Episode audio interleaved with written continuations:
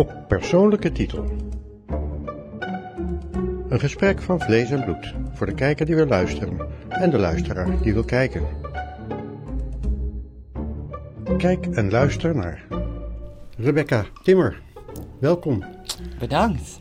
De jongste partijvoorzitter van het parlement? Dat zou zomaar kunnen, ja. Want je bent, Ik ben 23, ja. ja, dat is niet heel oud. nee, op zich niet. Nee, nee, ik kom nog wel net uit de vorige eeuw. Dus eh, Ja, hoe krijg je dat voor elkaar? Zo jong, eh, eh, geboren worden? dat ook. Maar nee, vooral hoe je zo jong in een partij zo hoog opklimt. Eh, nou ja, ik heb best wel een tijdje in de politiek rondgehangen al. Ik was denk ik een jaar of twaalf toen ik voor het eerst politiek me ging mengen. En is eigenlijk nooit weggegaan.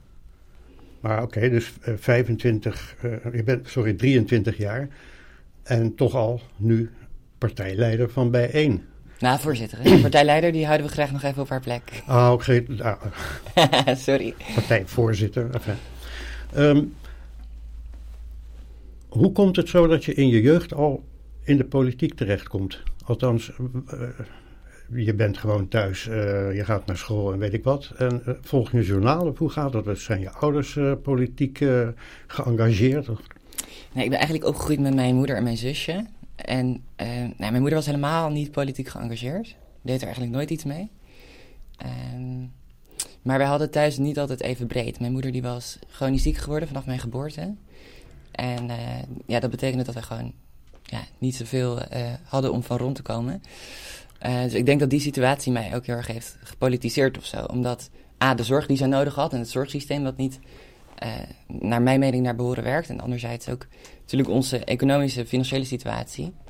Ehm, en dat was ook de tijd van de economische crisis in 2008. Eh, het was de tijd van dat er meer en meer nieuws kwam over klimaatverandering. Ja, ik, kan, ik, ik weet niet waar het precies is gekomen, maar ik denk zo dat dat wel dingen waren die mij ertoe hebben aangezet om er toch in te verdiepen van wat is er mogelijk, wat kunnen wij mogelijk veranderen aan deze wereld. Ehm, Je was boos over de, eh, de moeilijkheden waarin je moeder geraakt was. Ja, misschien nog niet eens. Ja, boos, omdat ik me heel erg een gevoel voor rechtvaardigheid had of zo. Ik, ik, ik denk dat is niet rechtvaardig. Hoe kan het nou zijn dat de andere kant van Hilversum ehm, mensen die nou, misschien niet eens zoveel doen in het leven, die, die leven in de grootste wilde, die hebben ze eh, ge- georven van hun, eh, van hun ouders, van hun opa en oma. Terwijl mijn moeder heeft echt haar best gedaan. Zelfs 100% afgekeurd, heel veel ziektes. Heeft altijd geprobeerd aan het werk te komen. Heeft altijd het best gedaan voor ons. eh sloofde zich meer uit dan dat ze zelf aankon. En hè, in welk opzicht heeft zij het dan verdiend om in deze positie te zitten? Ja, je beschrijft zelf al, je komt uit Hilversum. Ja, Eh, ik weet niet, ik ken Hilversum, ik heb er natuurlijk veel gewerkt. En in de tijd dat jij geboren werd, werkte ik bij de KRO trouwens. oké. Eh, welk jaar was dat? 99? 99. Ja, toen maakte ik trouwens een documentaire over, eh, komen we later misschien op, een eh, pater, eh, Nieuw Kruis voor Oude Pater. Dat was een pater van 74 die zich liet transformeren. Hij had al zich jaren als vrouw gekleed en nu die ging hij de transitie in en die heb ik helemaal gevolgd tot aan de Interessant, dat klinkt als een bijeen, bijeenpastoor. Eh, hij kwam uit het klooster of iets, en, eh, maar goed, hij kwam met dat verhaal, een heel eh, interessant verhaal, maar dat was dus al heel lang geleden. En toen ben jij geboren in een deel in Hilversum. Is er een arm deel in Hilversum? Nou ja, mensen denken altijd over het gooien dat het alleen maar pracht, praal, parels, et cetera is. Maar we hebben sowieso de, de, de verdeling tussen dorpen als Laren en nou, Hilversum zelf. Er was op zo'n filmpje op Pauw Nieuws, geloof ik, van, eh, ehm, van een mevrouw die wordt in Laren aangesproken over wat ze nou zou vinden als de gemeente Laren en Hilversum zouden fuseren. Zij zegt, nou, we gaan toch niet bij de HEMA van het gooi horen. Oh, en zo beschreef zij dus oké. Hilversum. Dus we zijn het HEMA van het gooi. Ehm, eh, en daarbij, Hilversum is eigenlijk deels begonnen als een hele elitaire stad. Als een soort van de buitenhuizen van de, van de Amsterdammers die in de grachtenpanden woonden. Maar anderzijds ook als een eh, industriestad. We hadden de seintoestellenfabrieken, we hadden de grote textielindustrie in Hilversum. Dus je hebt eigenlijk ook een hele arbeidersgeschiedenis. Nou ja, Eh, en nou goed, ik kom uit een wijk die is in de jaren 60 gebouwd, eh, in Kerkerlanden. Eh, dat nou, het was een stukje later dan dat die fabrieken alweer sluis waren. In de jaren 60 was de opkomst ook van het Mediapark. Daar werden die huizen niet voor gebouwd overigens, maar ehm, ja, het was gewoon... Niet je- het rijkste deel van Hilversum, zeg maar. Je leeft daar met je moeder, die is gescheiden dan al. Ja, mijn En- vader is bij ons weggegaan toen, toen ik twee was. Oké, ja goed, dus dat Ja. is te jong om te weten. Maar, Ja, dat heb ik niet meegemaakt. met een zusje. Dus twee zusjes en een moeder in armoede, want die moeder is ook nog, behalve dat, die scheiding had het te maken met haar ziekte. Of- Nee, dat had niet te maken met haar ziekte. Nee, Oké, maar ze nee. kreeg een ziekte, chronisch kennelijk. Ja, ze kreeg, doordat ik werd geboren, eerst bekkeninstabiliteit. Eh, ze werkte altijd als buschauffeuse daarvoor. Eh althans, is begonnen in het leger. Daarna is ze bij de landmacht op de 18e. Stevige vrouw. Zeker, absoluut. De landmacht. Eh, daarna heeft ze op de vrachtwagen gewerkt. En toen heeft ze ontzettend lang op de bus gereden. Hij heeft altijd in de Belmer gewoond, in Amsterdam. Eh, en toen ze mijn vader, met mijn vader trouwde, zijn ze naar Hilversum verhuisd. Ehm, sorry, ik ben, ik ben je vraag even kwijt. Nou ja, eh, eh, vertel maar door. Het ging erom, je hebt Oh ja, die ziekte van mijn moeder. Ja, mijn moeder die werd, dus, werd dus ziek. Die kreeg bekkeninstabiliteit, waardoor ze even in de rolstoel belandde. Vanaf toen kreeg ze ziekte na ziekte eroverheen. We hebben schildklierproblematiek in de familie.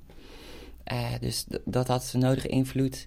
Eh, ze kreeg last van frozen shoulders vanwege dit, ja, het harde werk altijd met haar op de bus en op de Ja. vrachtwagen en in het leger. Het leger deed ook munitietransport, dus eh, ze had ook al de rijbewijzen. Dus dat, ja, die heeft hard, hard gewerkt altijd. Eh, vermoeidheidsziektes, eh, fibromyalgie, nou, een hele reut meteen maar op. Ze was gewoon constant eigenlijk ziek. En het was niet haar ouderdom of zo. Nee, wat zou het was? Werd geboren. Ja, ze was een oudere, wat ouder moeder geworden. Ze was 39 toen ze mij kreeg. Ja. Ehm, maar ook weer niet, of 38, 38, 39. Ze komt uit 61. Ehm, maar niet zo oud dat je denkt, nou, dit hoort er nu al bij. En ze is ook vroeg overleden. Oh, ze is Ja. dood. Ja, ze is inmiddels overleden. Gecondoleerd. Ja, bedankt. Het is alweer een tijdje geleden hoor, dus ehm 2014 is ze overleden. Ja. Dus je hebt wel een, eh, een pakket eh, aan ervaring eh, meegekregen. ja, dat wel. Ja, ja, Ja. tegen wil en dank. Want eh, eh, de- eh, het is al niet leuk om een moeder te hebben die ziek is. eh, die voor jullie moet zorgen. Ehm, en als je dan vindt dat ze slecht verzorgd wordt, of inkomensafhankelijk en dat gaat allemaal niet lekker en je hebt het kennelijk zwaar als gezin. En zij doet haar best om jullie te voeden. Dus dat heb je echt ervaren als een ellende, eh, een, een, een moeilijke jeugd. Althans, moeilijk financieel. Ja, op zich, kijk, ik, heb, ik ben nooit iets tekort gekomen. En mijn moeder zorgde daar ook altijd voor. We waren haar nummer één in, in haar leven altijd geweest. Ze zou alles voor ons doen, kwam altijd voor ons op. Eh, eh, ze leefde echt voor ons, voor mij en mijn zusje. Ehm, dus hoe dan ook, we made it work. Ehm, maar omdat ik de oudste was en mijn moeder had geen, geen partner en door haar ziekte nou, nog weinig vrienden over, omdat ze die weinig zag, omdat haar vrienden woonden in Amsterdam nog. Zij was naar Hilversum verhuisd, had vervolgens twee kinderen en chronisch ziek. Dus ehm, ik was meer ook een soort van dan, dan haar kind. Ik was ook een soort van haar partner en, en, en haar beste vriendin in één. Dus ze deelde dat wel veel met mij. Ehm, waardoor ik me ook wel wat eerder bewust was van ehm, wat betekent het als je minder geld hebt en welke keuzes zijn er die je moet maken in het leven. Je hebt geen onbezon, onbezoldigde jeugd gehad. Je hebt een, eh, lastige jeugd gehad. Ja, het is niet altijd even makkelijk geweest, maar ik ben er wel dankbaar voor, denk ik. Want ik Hoop heb ervaring. er wel ervaring, hoop van geleerd, een hoop levenslessen die eh, ik vandaag de dag nog steeds wel. eh, Hoe ging dat op school? Ik bedoel, eh, was je een makkelijke leerling? Leerde je makkelijk?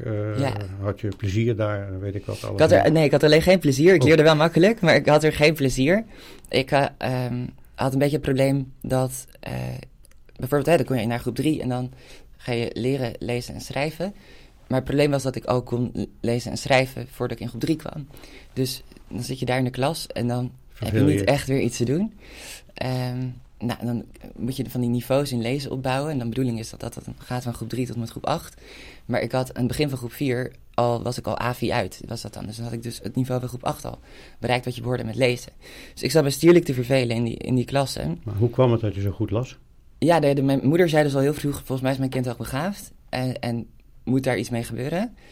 Eh, want ja, ik raakte gewoon gedemotiveerd. Ehm, en nou, op die leeftijd viel nog wel mee, maar naarmate ik ouder werd, dus groep 5, groep 6, werd dat steeds erger. Toen was ook, I- I- eh, heeft mijn moeder IQ-testen geregeld en alles, eh, allemaal gedaan. Toen bleek dat inderdaad. En toen heeft mijn moeder zo hard de school gepusht om een plusklas op te richten. Want ik was niet de enige. Ik had ook een, goede, een paar goede vrienden in de klas zitten. Die ook niet slecht leerden, zeg maar.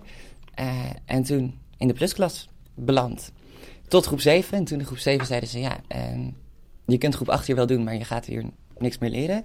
Dus eigenlijk optie of je gaat hier een jaar voor spek en bonen zitten, of je gaat naar de middelbare school al te vroeg. Uh, maar toen werd er een school voor specifiek hoogbegaafde leerlingen opgericht in Huizen. En daar ben ik toen een jaar heen geweest.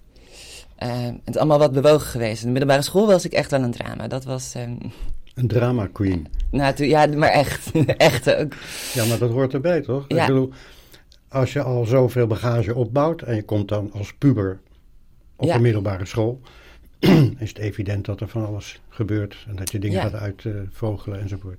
Ja, zeker. En ik had ook last van. Uh, kijk, die, op school vond ik het nooit altijd even makkelijk natuurlijk, omdat het altijd gedoe, gehandeld was. En ik, doordat dingen niet gingen op school zo als ik het zou willen, dat, weet je, ik wilde daadwerkelijk dingen leren in, in, die me interesseerden. En nou ja, goed, dan zit je dan vervolgens weer voor de dertigste keer je spelling toe te schrijven. Ja, dat, dat boeit me gewoon niet zoveel. Spellen kan ik wel. Of netjes schrijven kan ik ook wel. Je ik wil gewoon nou iets op leren. een hoger niveau? Ja, en ik wilde ook specifieke dingen leren. Ik had grote interesse voor geschiedenis. Of ik kon wel verder met rekenen. Maar dat, dat, ja, dat kon gewoon allemaal niet binnen dat systeem. Oh. Dus die werd tegen die kaders aan. En ik, ja, we hebben het gewoon nooit heel, makkelijk gehad. Ook omdat mijn moeder alleenstaand was, uh, hadden we ook veel jeugdzorg over de vloer. Want ziek alleenstaande moeder, ja, dan moet je, moet je toch wel even kijken of alles goed gaat. Dus dat is ook de nodige uh, druk geweest. Uh, heb ik best wel vroeg last gehad ook van, van depressieve klachten en zo. En dat werd op de middelbare school natuurlijk veel erger. En al helemaal toen mijn moeder overleed. Dus ja, daar ga je van rebelleren.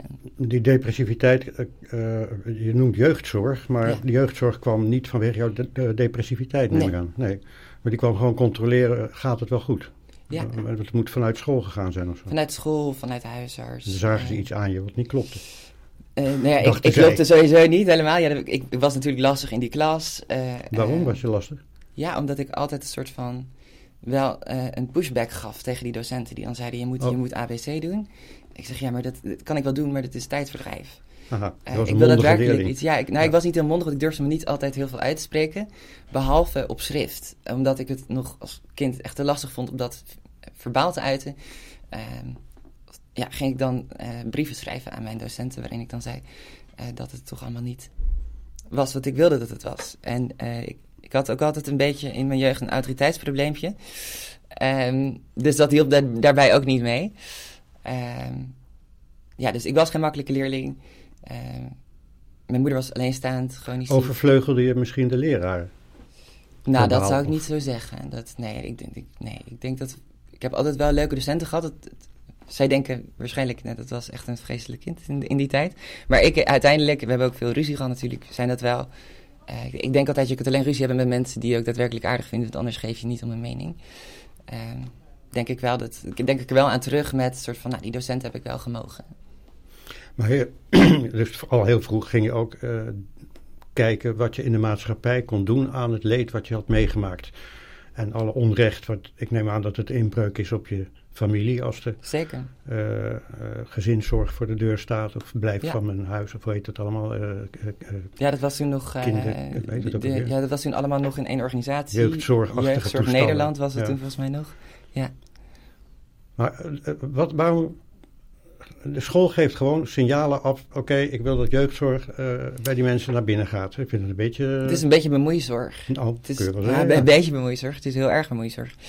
Uh, ja, ik weet het fijne er niet meer van. allerlei rare dingen, want dan gaan ze juist denken er is wat mis. Of... Ja, terwijl er was eigenlijk niet, niet echt iets mis. Ja, we, natuurlijk we hadden het niet altijd makkelijk, maar er, uh, ja, mijn moeder was, was de beste moeder die, die, die ik me kon wensen. Nou ja, ehm, goed. Dus ja. Hoop woede, hoop ongemak en daarom dacht je ik moet me daaruit redden of zoiets. Nou ja, ik, ik vond gewoon ik had, kreeg gewoon zo'n gevoel van onrechtvaardigheid. De, de manier waarop mijn moeder, die echt heel ziek was, dan uh, te maken, iedere keer herkeurd moest worden door. Ik denk, ja, een chronische ziekte is het idee dat daar niet per se iets aan verandert. Dus je kunt haar wel blijven testen en dan aanbevelen dat ze, eh, letterlijk gebeurt hè, bij het UWV, een Lumpia-vellenroller wordt. Um, daarom is het ook maar 100% afgekeurd, omdat ze niet per se vacatures konden vinden voor Lumpia-vellenrollers. Um, maar dat soort onzin, bureaucratische onzin om uh, vanuit wantrouwen Is dat constant maar mensen eh, te zangen. Discriminatie, je bent van Indische afkomst, toch? Oh ja dat, ja, ja, dat klopt. Ja, die, die had ik nog niet eens erachter gezocht. Ja, nou ja, ik ben Ja. er niet van, maar eh, nu je het zo zegt. Maar goed, Ja, nou, go- goed punt. Ja, dat, dat zou daar nog iets... Nee, ik denk niet dat het daar lag, maar gewoon eh, wat zij kon met de ja, fysieke capaciteiten die ze wel had. Gebrek aan energie, al haar pijnen, al haar instabiliteiten. ja, kon ze gewoon weinig. Ze heeft altijd wel geprobeerd iets te doen. Dus ze dacht op een gegeven moment, nou, misschien hè, op de bus gaat het niet meer worden met die armen en eh, dingen. Eh, eh, kan ik make-up artist en, en hairstylist en kapster worden, dacht ze. Dus ze heeft allemaal opleidingen gedaan, zich er echt doorheen gepusht. Terwijl ze, ja, als zij één dag actief de deur uit was, lag ze drie dagen te slapen daarna. Maar ze heeft zich doorgezet, ze heeft al die opleidingen gedaan, afgerond. Ehm, ja, daar was ik wel gewoon altijd heel trots op haar. Maar ja, ze kon alsnog natuurlijk niet werken, dus er bleef mijn opdracht hier en daar.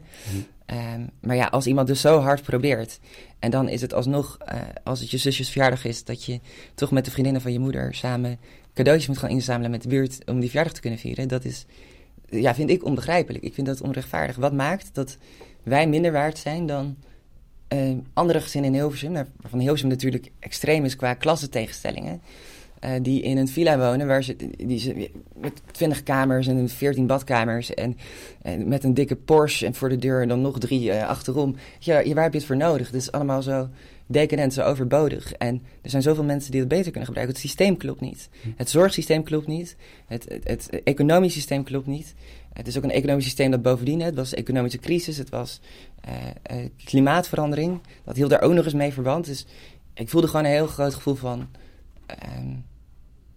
ehm, van onrechtvaardigheid. ja, onrechtvaardigheid. Dat ik Was jouw echt, eh, zusje ouder of jonger dan jij? Mijn zusje is jonger dan ik. Jonger. Ja, twee jaar. Was, is, ja. Ja. Eh, eh, eh, nog veel contact met haar, neem ik aan. Zeker, zeker. Ja. We wonen nog steeds samen, dus ehm, Ja. heel veel contact. Ehm, impertinente vraag. Was jij toen al een meisje, een zusje voor haar? Of was je toen... ja, altijd wel, ja. Oké, dus jullie Ja. hebben een, een, een warme zusterrelatie. Ja, Dat is dan het enige wat over is van eh, het gezin, denk ik. nou, we hadden wel een... ehm, mijn moeder had een hele goede vriend, haar beste vriend. Die noemen wij ook oma Fred. En eh, bijvoorbeeld toen mijn moeder overleed... heeft hij de zorg voor ons twee op zich genomen. Wat heel nobel was. Ja, want je zal nog niet meerderjarig zijn geweest. Nee, ik was 14 en mijn zusje Ja. was 12. Dus je had een toeziend voogd nodig.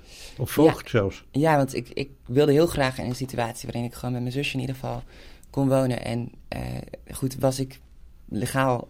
eh, Ja. Was het legaal geweest dat ik met haar in dat huis zou blijven wonen en voor haar zou zorgen, dan hadden we dat gedaan.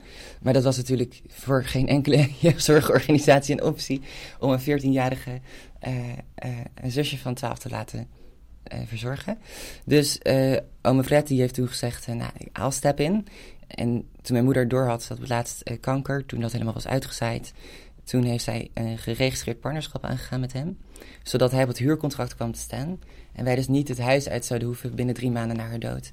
En dat wij daar konden blijven wonen. En eh, ja, dat heeft, Maar- mijn moeder heeft dat wel heel goed gere- geregeld destijds. Je woonde daar met hem. Ja, met hem en mijn zusje, ja. Dus, eh, maar goed, eh, beste vrienden hebben ook wel eens ruzie. Nee, En maar eh, het ding is dat ik een beetje die ruzies ging overnemen die mijn moeder wel eens met hem had. dat Eh, was voor hem natuurlijk heel niet makkelijk. nee, dat is natuurlijk niet te doen. Hij is, hij is de autoriteitsfiguur nu. Nee, dus- maar hij, hij heeft een relatie met je moeder, vriend, Ja. vriendschap. Die is overleden. ja, dus voor hem was het ook nog een keer. Ja, En hij neemt de kinderen van haar, dan kan je nagaan wat een vriendschap dat was. ja dat was een, echt een... Ze hebben elkaar ontmoet ook bij de landmacht. Hij zat erin met dienstplicht. En mijn moeder natuurlijk vrijwillig. Eh, dus zij kennen elkaar al sinds, eh, wat is het? 79, 80, 81, zoiets. En altijd bevriend gebleven. Ja. Nou, nog wel contact mee nu. Ja, nog steeds contact mee. Ja. Ja, ja. Ja. Heel bijzonder. Is het ook. En de- ik ben mogen hem echt heel dankbaar zijn voor wat hij altijd heeft gedaan. Ook als mijn moeder, die was veel ziek. En had ook veel last van depressieve klachten, bovenop de ziektes. Waardoor ze eh, zich ook wel eens eh, tijdjes kon opsluiten in haar kamer. En dan was het toch fijn dat er iemand was om je ochtends naar school te brengen. En hij deed het altijd zonder blik of blozen en zonder daar per se iets voor terug te verlangen of wat dan ook. Dus hij heeft, dat, eh, hij heeft ja, echt wel zijn leven ook in dienst gesteld voor ons. Dus dat was, eh, dat was heel fijn. Nou, je hebt nog een aardige kluif te gaan, denk ik. Hè? Ik bedoel, ja, je zegt net je bent 24, 23. 23, sorry. Bijna 24 in oktober. Ja, ja, ja. Maar dan is er nog een hoop te verwerken. Absoluut, absoluut. het is niet alsof... eh, Dus je werkt je hier, het Schompus, eh, bent er altijd, eh, st- staat aan het hoofd van een partij Ja, in ontwikkeling pas een jaar hier. ja. En een jaar in die functie. Heb je nog wel tijd voor jezelf? Dat is een goede vraag, dat vraag ik me soms ook wel eens af. Ehm, sinds ik ehm, die politiek in ben gegaan, heb ik me eigenlijk altijd daar vol ingestort.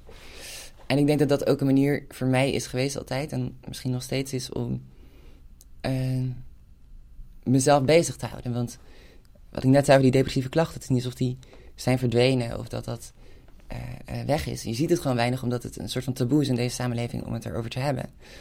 Ehm, en dus heb ik het er ook niet vaak over. Maar het is niet alsof dat eh, allemaal verdwenen is. Weet je? Mijn moeder had diezelfde klachten, mijn oma had diezelfde klachten. Ik denk ook dat het iets is wat van generatie op generatie een soort wordt overgebracht in, in, in je opvoeding. Maar is je dat toch meekrijgt. Depressieve Ja, dat- klachten? Dat denk ik wel, want Ja. eh, ehm, mensen schrijven je toch al snel af als... oh ja, je, bent toch, je hebt toch mentale problemen, nou, misschien moeten we je minder belasten, noem maar op.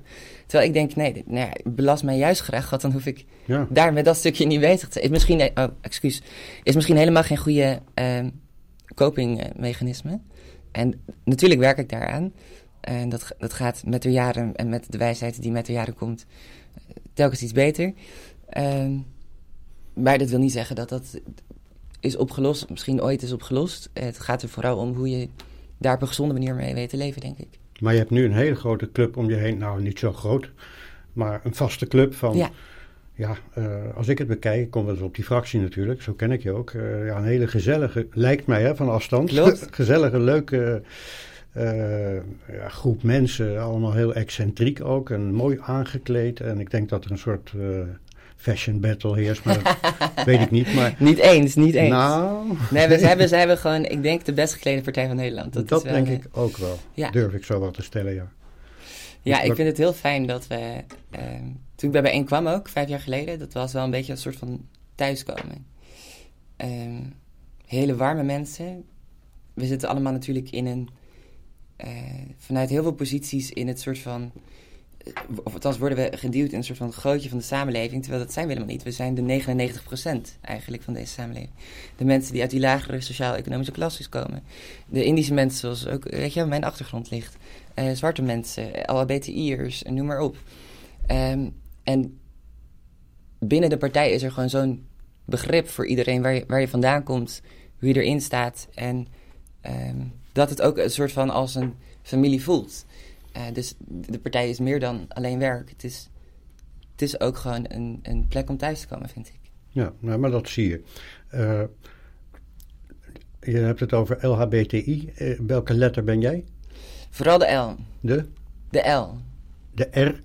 L. L. De eerste. Eh, Van lesbisch. oh, sorry. Ja. Ik wou zeggen, moet je me even helpen. Ja. Ja, Eh, nou ja. Gefeliciteerd ermee. ja, nee, zie- nee, dankjewel. Ja, dank voor de felicitatie. Ik ben er ook heel blij mee. Nou ja, eh. ik zie al de ophef over die LHBTI en dingen. Ik zie tegelijkertijd series op Netflix en weet ik wat allemaal. Eh is natuurlijk niet, niet mijn jeugd. Mhm. Aan de andere kant, ik heb dat al lang meegemaakt, want dat was in de 70 jaren. Speelde het 60 ook al. Maar, goed, maar ehm, er wordt van alles van gevonden. Ik Ja. moet zeggen, ik heb er heel weinig verstand van hoe dat nu allemaal zit, precies met al die letters en wat wel daar en niet en wat elkaar wel mag en niet mag. Maar ik merk daar dus niks van op die fractie bij jullie. En het is een uitermate gezellige club. Dat is het ook. Dus, eh, eh, Er zitten heel veel letters in de clip. Ja, ongetwijfeld. En dat zie ik dan weer helemaal niet, maar dat maakt ook helemaal niet uit. Nee, Ik denk dat dat ook het probleem is, dat veel mensen er van alles in zien wat er niet is. precies. Ja, ik heb En- soms wel eens dat, dat beeld ook wel, wat je zegt van... Dat, dat andere mensen... eh, ehm, ik noem het maar even, hè, dit is dan, dan hebben ze het over woke versus anti-woke. Maar ik, ik, ja, ik, ik ben nog op zoek naar termen om dat anders te benaderen. Maar voor die eh, mensen die dan denken dat er een groot complot is of zo. nou van, ja, dat laatste is natuurlijk onzin, maar ja, eh, eh, noem het maar woke, kan mij schelen hoe je het noemt. Eh, er is een verandering in die identiteitenbusiness van het oude eh, Ja. eh, systeem in een soort iets anders. Ja. Die is er gewoon. Ja. Die is heel geleidelijk en die zie je en die maak je mee. En nou ja, goed, het zal wel. Eh, als je verliefd wordt op iemand, dan word je verliefd op iemand. En ja, en dan merk je later wel hoe en wat, toch? Ja, Precies. het lijkt mij, ik weet het niet. ja. Maar zo ging het vroeger. Ik denk, ja, zo gaat het nog steeds wel. Dat is eigenlijk nog steeds, dat Nou, is wel vind gelijk wel- als je nu uitgaat, hè, dan zit iedereen achter een schermpje. En Dat als je, is wel. Als je contact met elkaar wil maken, dan moet je dat via een app doen. En je mag niet elkaar zo rechtstreeks aanspreken. Ik weet niet wat je dan krijgt voor straf. Maar je kan het beter niet proberen, heb ik ontdekt. Ja, dat is wel, dat denk ik wel echt inderdaad een beetje de, de tumor van deze tijd. Er zijn dingen in deze tijd die ik ook wat minder snap, dus met andere woorden. Ja. Maar goed, of doorgrond. Ehm heeft jouw moeder je meegemaakt zoals je nu bent ook? Dus Ja, vanaf ja, het we hebben aan? altijd eh, contact gehad. Je hebt je gewoon altijd ook als een popje eh, aangekleed met Als een popje en aangekleed. En, nou ja, Eh, nou, ik was een minder popje vroeger. Ik kwam op een gegeven moment... ehm, een kattenkop. ik was, ja, misschien wel een beetje... Nee, zeker op de middelbare school, toen het dus wat minder met mij ging. Toen was mijn stijl eigenlijk dat ik meestal in een sarong liep met een heel lang vest. En ehm, Dat snap ik niet. Wat zei een sarong. Dat ik Oh, een sarong. Oh, liep. prachtig. Met een lang vest. En eh, een beetje. Ik zat ook veel onder drugs in die tijd. Dus een beetje tussen de smoezelige figuren zaten we allemaal een beetje apart. We kwamen niet naar de lessen en zo. Ehm, maar op een gegeven moment kwam ik in het debatteam. En dan, nou ja, dan moet je je toch wel een beetje niks aankleden. Dat is wel af en toe. Dus ik kon dan heel twee verschillende stijlen hebben. Dus of ik was de, de drugsverslaafde hippie. Of ehm, ik, ik kon komen als degene in eh, gewoon mijn nette zakelijke... Ja, alsof ik bij een advocatenkantoor Hmm. werkte. Maar dat we drugs, altijd ook met eh, Wesley. Bedoel je eh, marihuana mee waarschijnlijk? Of Onder andere, ja. ook zwaarder? Ja, ik heb veel wel geprobeerd in, in mijn leven. ja, Waarom ja. zou je dat doen? Nou ja, omdat ik ehm, periodes dus heb gehad waarin ik me echt dus zo slecht voelde. Ik dacht, ja, ik heb wel andere dingen nodig om me daar bij te helpen. En wat dan helpt, is toch... Nou, de weg naar drugs wordt dan ineens heel makkelijk natuurlijk. Maar het hielp natuurlijk niets. Nee, het, op de lange termijn heb je jezelf alleen maar meer in de, Ja. in de vingers gesneden. Maar goed dat je daar dus, neem ik aan, helemaal vanaf bent. Ja, ja, ja, dat, dat Nog meer bagage. wel. Ja, nou ja, nog meer bagage. Dit is denk ik eh, gewoon wat, er, wat erbij komt. En kijk, het is echt niet zo, eh, dat, dat mogen mensen ook best weten. Dat het, het is niet alsof ik nooit iets van drugs doe. Ehm, maar ehm, de mate waarin ik dat deed toen ik 15 was, dat is gelukkig wel veranderd. Ja. 15, toen leefde je moeder nog. Nee, die was toen al overleden. Net ja. overleden, ja. 14, 15. Maar dan was het wel op het kantje. Ja, ik denk ook wel dat het een soort van impuls er nog extra aan heeft gegeven aan die depressie die er al was. Dat die Hm. echt helemaal inkikte natuurlijk toen mijn moeder, want zij was alles wat ik had. Ehm, dat dan nog wel dat, dat, dat, dat setje is geweest om eh, me helemaal die kant over te trekken. Ja. Maar je hebt heel veel hulp gehad, of heb je het helemaal gedaan? Nee, nee, nee, ik heb absoluut... Ik, ik had altijd een soort van antipathie tegen, eh, tegen psychologen. En niet in, het, in, in zijn algemeen, maar... Het is ook even voor de psychologen die dit zien, eh, of deze podcast luisteren na vandaag, niks, niks tegen jullie. Ehm, maar er, zitten natuurlijk gewoon veel figuren tussen die gewoon niet helemaal kunnen doorgronden vanuit hun eigen ervaring waar het precies over gaat of zo. Eh, en die komen dan met rare methodes. En ook op die leeftijd, je wordt gelijk bij een kinderpsycholoog gezet. En die komen dan aan met... Ik weet nog heel goed, op een gegeven moment was er een vrouw die zegt... Ja, je moet eh, eh, de pijn die je hebt maar zien als een ruwe rots... die dan van een berg afrolt. En dan de therapie is de, is de berg. En dan worden de scherpe kantjes ervan afge... Jezus, dus zo'n zweefteverige... eh, kinderlijke manier om dit te benaderen. Weet je, maar ik ben ook gewoon, ik heb er uitgelachen in de gezicht, ik ben opgestaan, ik ben weggegaan. Eh, dat, dat, goed, ik was 15, een beetje recalcitrant. Ehm, ik kan daar gewoon niet zo goed mee. Dus die psychologen, voor mij, dat, dat was het gewoon allemaal niet. Eh, dus ik heb dat eigenlijk altijd vermeden. Ja. Tot, tot ik nu wel wat volwassener ben geworden. Nu denk ik, nou, misschien is het helemaal niet zo erg om af en toe eens met iemand te kunnen praten. Dus ehm, ja, dat kun je altijd doen. ja, dat is waar. Ja, maar voor mensen die er ook betaald voor krijgen om, om naar je te luisteren, dat is... Eh, naast al die problematiek, noem ik het maar even, dat is natuurlijk gewoon opgroeien, maar Ja. eh, zie je toch kans om binnen eerst de SP, hè, Mhm. eh, dus eh, politiek actief te worden, uit een soort van woede, maar ook uit een maatschappelijk ja, Ja, ik vond het een noodzaak eerder dan Ja. een... eh, ja. En dat is nu nog zo. Absoluut. Ja. Absoluut. Het is denk ik alleen maar groter geworden sindsdien. Want ik was 12 toen ik dus voor het eerst bij de... eh 11 of 12 eerst bij de SP aanklopte. Ehm, en ja, sindsdien heb ik alleen maar meer geleerd, meer gezien van de wereld. eh, meer boeken gelezen, meer om me heen gekeken, met mensen gesproken, eh, bezig geweest. En dan zie je dat het onrecht telkens nog maar groter wordt of zo. Er is altijd, er is altijd weer iets, nog iets meer. En je maakt steeds meer verbindingen tussen, tussen hoe... ehm, nou, wat ik denk, het, ons economisch systeem niet functioneert voor iedereen in deze wereld. Sterker nog, voor bijna niemand. Ehm, eh, en hoe dat ook weer op zijn plek verbonden is met onderdrukkingen op andere manieren in deze samenleving. ik kan, maar voel jij je onderdrukt? Ik voel me niet onderdrukt, want ik kies ervoor om, om dader te zijn en niet om slachtoffer te zijn. Dus ik kies ervoor om dader te zijn tegen dit systeem. Um, dader wil zeggen? Dat ik vind dat we dit systeem omver moeten werpen. En dat is waar ik mijn leven aan wijd. Maar in, in, in politieke zin, want ik neem aan dat je geen Kalashnikov gaat kopen of iets. Nee, ik ben niet heel goed met Kalashnikovs. Kun je leren? Kan, alles kan geleerd worden, maar ik weet niet zo goed bij wie ik moet aankloppen. Ik kan wel overigens, mijn opa zat dus bij de marine, ik kan wel wapens afvuren, dat heb ik wel geleerd. Ja, ja, ik kan zelfs kogels in elkaar zetten dat we het even weten met hagelgeweren. Ja, dat iedereen even opletten. Kijk uit wie je tegenover je hebt. Uh, nee, ik was niet van plan om, uh, om de Kalashnikovs te, te gaan kopen.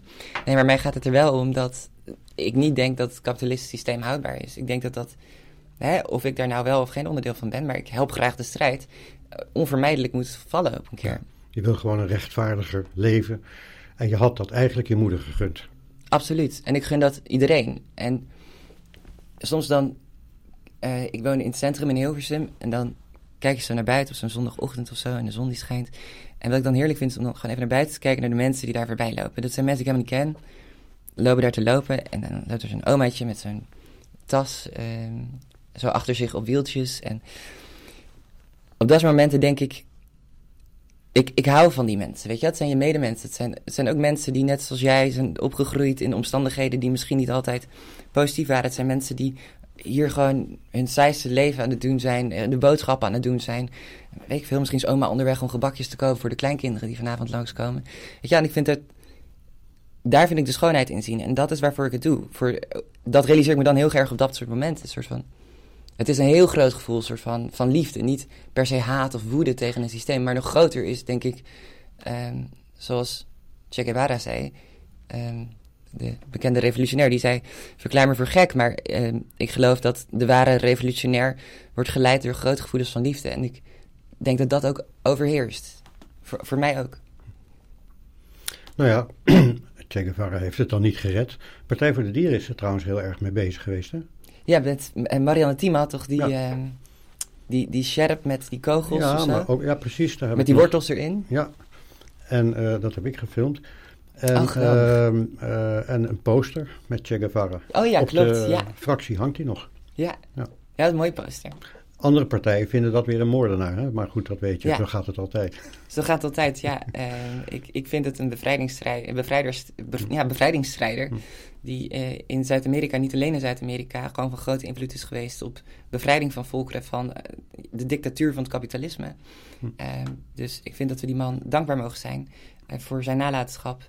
en dat het een absolute misdaad is tegen niet alleen hem... maar tegen de bevrijding van heel veel volkeren op deze wereld dat hij uh, is gedood door de Amerikanen, door CIA-backed uh, mensen in Bolivia. In 68 uit mijn hoofd. Uh, ik vind dat echt de, grotere misdaad. En ik vind dat de terroristen de mensen die uh, Che Guevara hebben omgebracht. Jij hebt nu een, nou, een bewogen jeugd, een doel in je leven. wat is behalve de partij en je eh, politieke ambities. Ehm, je persoonlijke ambitie, ik bedoel, wil je een gezin, wil je uh, een woning, wil je een, uh, hoe, zie je dat, de toekomst? Wil je kinderen, weet ik wat? Ja, dat is een goede vraag. Um, ik heb eigenlijk altijd gezegd, ik heb, ik heb niet zoveel persoonlijke ambities. helemaal niet eigenlijk. Voor mij gaat het erom om te doen wat nodig is.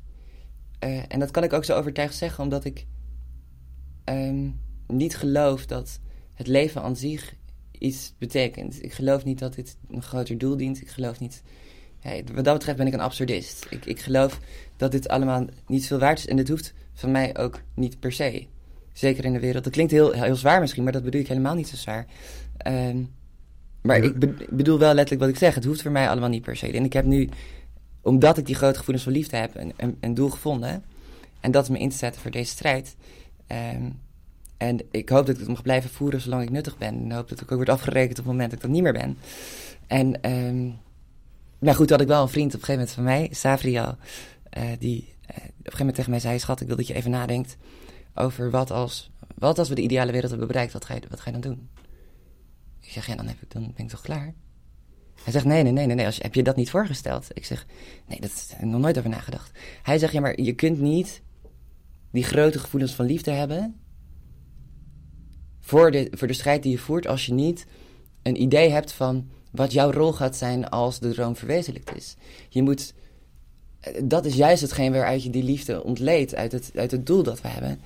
Uh, dus dat is een vraag die me de laatste maanden heel erg heeft bezighouden. En ik ben er nog niet over uit wat het grotere doel hierna is. Maar het lijkt me leuk om nog een keer te gaan studeren. Uh, taalkunde misschien. Historische taalkunde vind ik vooral heel interessant. Uh, of ergens op een uh, partijbureau van een socialistische partij in Zuid-Amerika, waar het lekker warm is, administratief werk te doen of zo. Je spreekt Spaans, hè?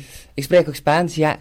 Um, en Frans, dus ik, ik heb een groot gebied om, om heen te verplaatsen. En dan inderdaad verder uh, gewoon een beetje huismoeder te worden. Je hebt een vriend? Nee. Oh, ik, ik ben dat, helemaal single. Oh, ik begreep het vorige verhaal dat je een vriend had. Oh nee. Oh. Nee, dat is een gewone vriend. Oh, zeg maar, niet, niet, niet, oh, sorry. Ik moet ook even nadenken. Nee, dit is gewoon, gewoon een vriend. Uh, niet, niet, uh, nee. Uh, is dat, je bent single, maar is dat, is dat tijdelijk of is dat omdat je, je wilt, wat wil je met je leven? Wil je trouwen, wil je een gezin vormen, weet ik wat? Of, of is dat totaal niet in? Mm, het is niet het meest primaire of zo waar ik mee bezig ben. Ik, ik, sta wel echt op en ik ga slapen met de partij. Um, ja, daar kan je niet mee samenleven. Nee, die partij, is inderdaad niet iets om mee samen te leven. Het lijkt me leuk om iemand te vinden, om daar uh, mee samen te wonen, te trouwen, kinderen te hebben. Dat, dat lijkt me op zich wel leuk. Ja, ik zou dat wel graag willen. En dan het rustige leven, want dat is uiteindelijk natuurlijk wat we allemaal willen. Is, ik denk niet dat iemand in de partij zegt, we doen dit omdat we dit leuk vinden. Want ik denk nee, dat... maar dan zou je stabiliteit kunnen krijgen, bijvoorbeeld. Ja, absoluut. Nee, ik denk ook dat ik wel veel stabiliteit heb in uh, wat ik doe. Uh, en hoe ik mijn leven run. Het is qua agenda technisch natuurlijk niet heel stabiel, maar het is niet alsof ik uh, uh, voor de rest op straat slaap. En uh, dat is het ook weer niet. Dus, um, maar ja, het, het, lijkt me, het lijkt me fijn om iemand te hebben die, op wie je altijd kunt terugvallen, op wie je onvoorwaardelijk kunt. En dat kan natuurlijk bij veel partijgenoten, maar daar woon je inderdaad niet mee samen. Um, dat, dat lijkt me wel fijn om maar te goed, hebben. Daar ben je nog jong genoeg voor. Precies, ik heb alle Ja. tijd. Hartelijk dank voor al deze openhartigheid. Geen dank. Dank voor dit gesprek. Jou bedankt. Jij bedankt natuurlijk. U heeft geluisterd naar Op Persoonlijke Titel. Samenstelling Ernst Lissauer. Vormgeving, branding en online productie Carlos Jurissen. Zakelijk advies Jan Riemens.